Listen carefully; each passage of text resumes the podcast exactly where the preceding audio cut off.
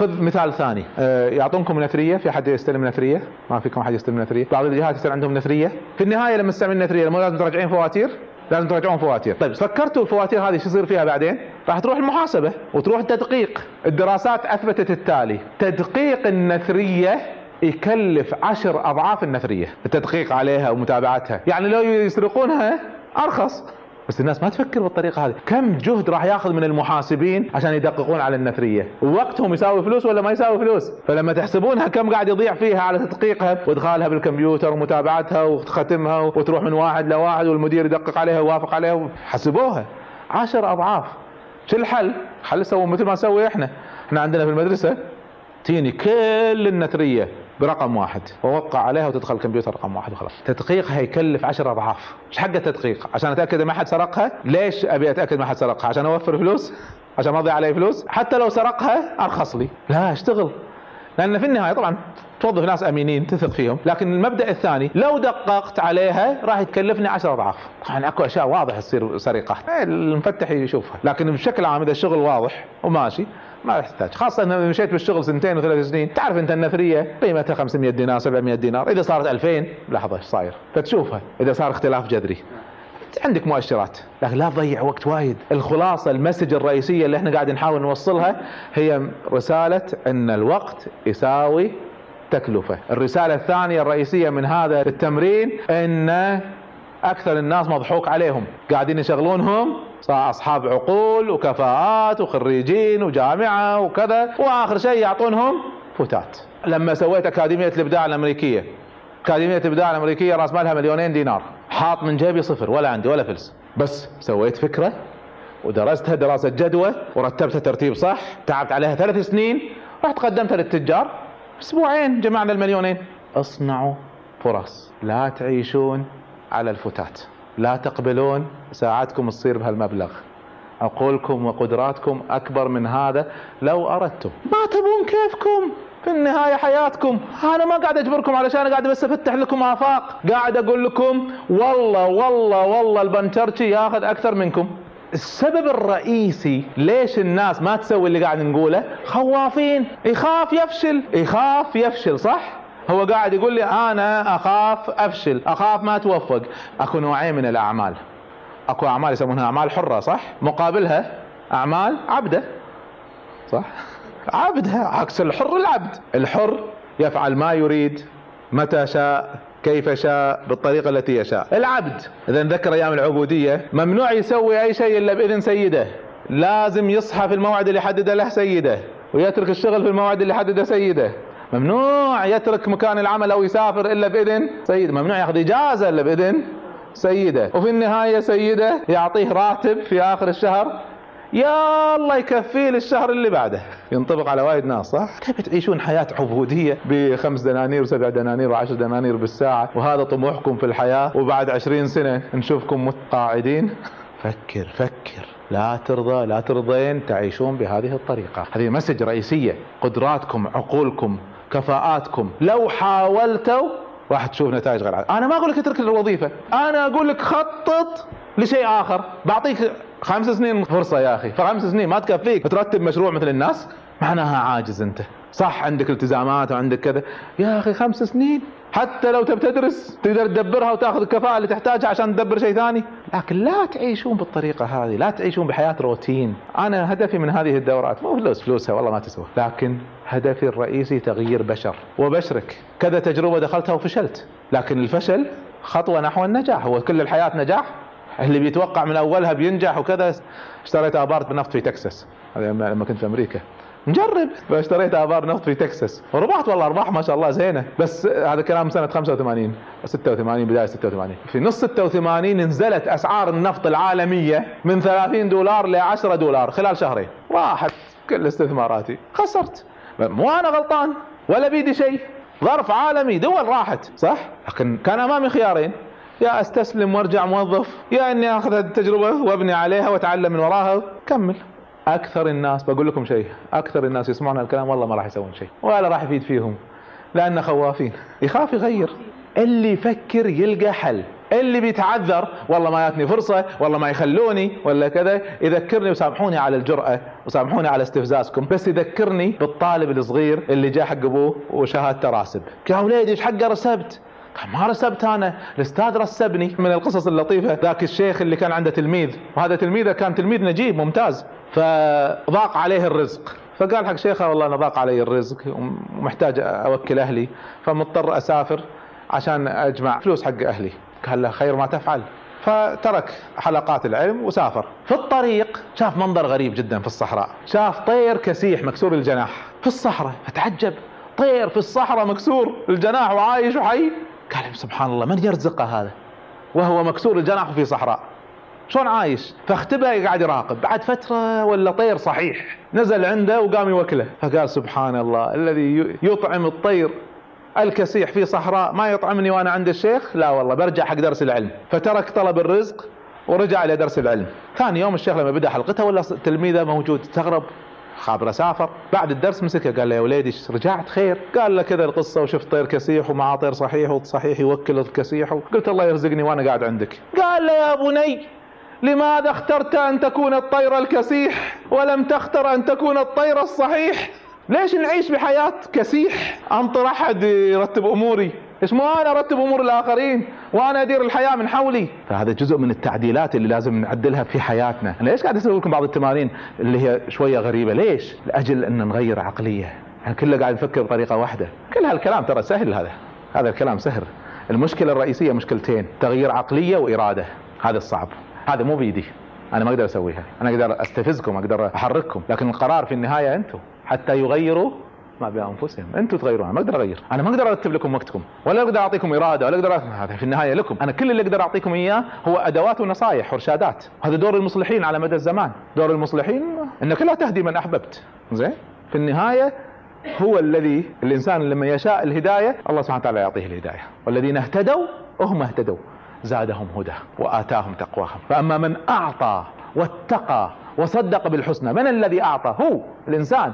هو الذي أعطى هو الذي اتقى هو الذي صدق بالحسنى. فسنيسره لليسرى.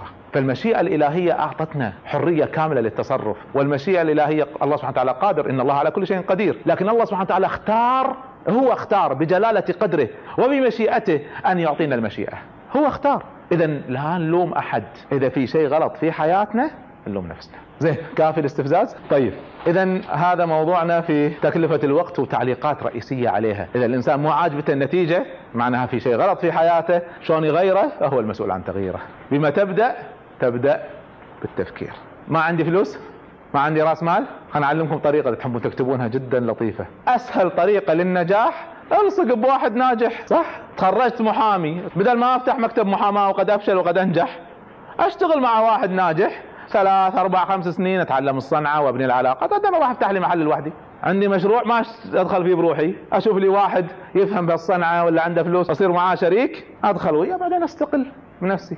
هكذا نجح الناجحون. طيب ننتقل. الناس قاعدة تضيع وقت وايد وايد. كل يوم قاعد يضيع معظم الحياة قاعد تضيع. سبب إنه ما في هدف واضح. ما أدري وين نروح واللي ما يدري وين يروح شو تسوي فيه؟ تخيلوا نفسكم ماشيين بالصيف صيف الكويت الحارة والشمس قاعدة تحرق الناس وشفت لكم واحد شايب ماشي بالشارع والعرق يصبب منه. فوقفتوا له حجي تحب نوصلك إي والله يا وليدي وصلني. وين تحب تروح حجي؟ والله ما أدري. هذا شو أسوي فيه؟ اللي ما يدري وين رايح شو أسوي فيه؟ تضحكون معظم الناس عايشين بالطريقة هذه صح؟ معظم الناس ما يدرون وين رايحين. بعد عشرين سنة إيش بيصير فيكم؟ معظم الناس قاعد يضيعون أوقاتهم بل يضيعون أعمارهم. زين خلونا ناخذ آه، الخمس الرئيسية شوية تعليقات عليها. خمس مضيعات وقت رئيسية. اجتماعات غير الفعالة وعلاجها أن الواحد ياخذ دورة في إدارة الاجتماعات. دراسات تثبت التالي. إذا الإنسان وصل لطبقة مدير إدارة وفوق ثلث وقته في الاجتماعات. ثلث الوقت. لما يوصل وكيل مساعد وفوق نص وقته في الاجتماعات. نص وقت الدوام في الاجتماعات.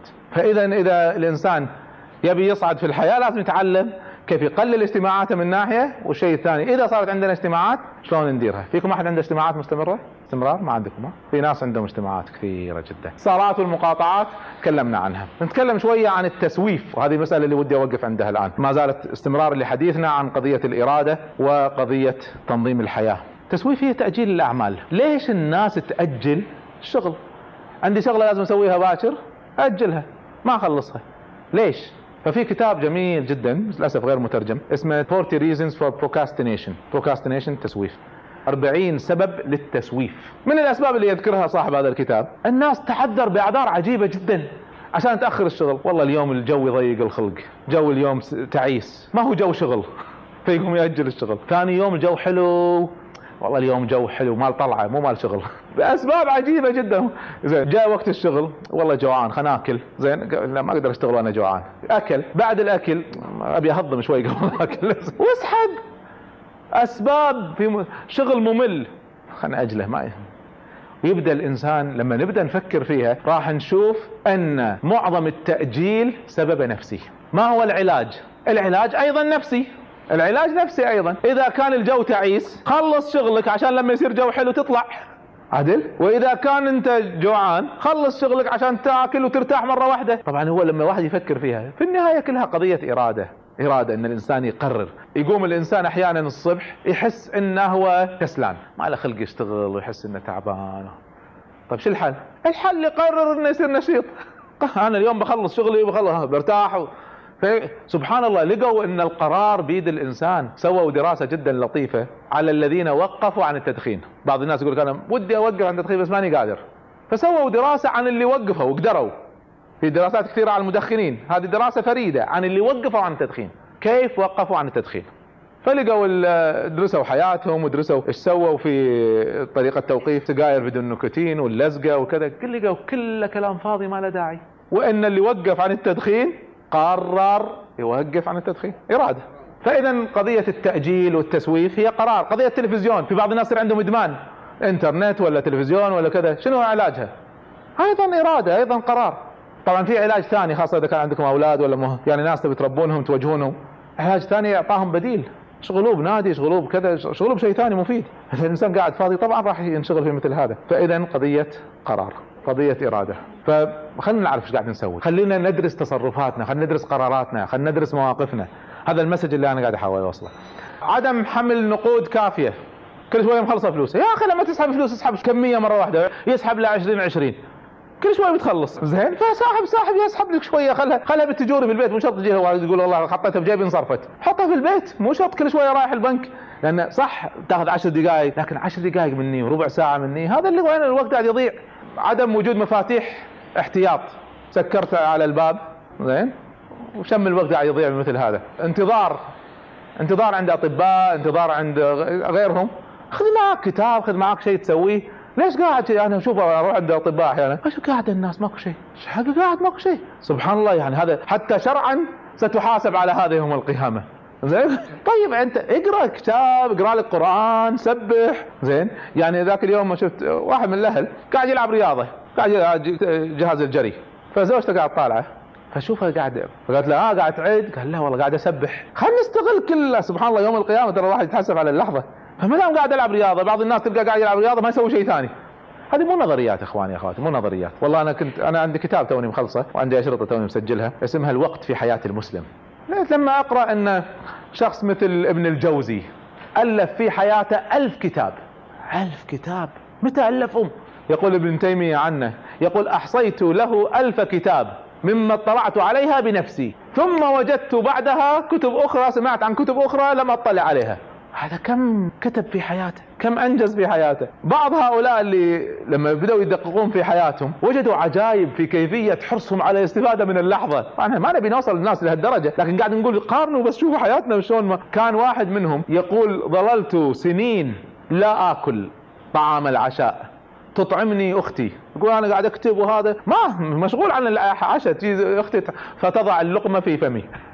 من شدة انشغاله بالإنتاج وكذا.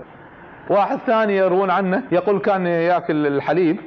تعرفون الناس تغمس فكان ما يغمس الخبز يغمس الكيك لأن الكيك يتغمس بسرعة ما يطول عشان يوفر الوقت. يقول حسبت الوقت ما بين تغميس الكيك والخبز فوجدته صفحتان كتابه.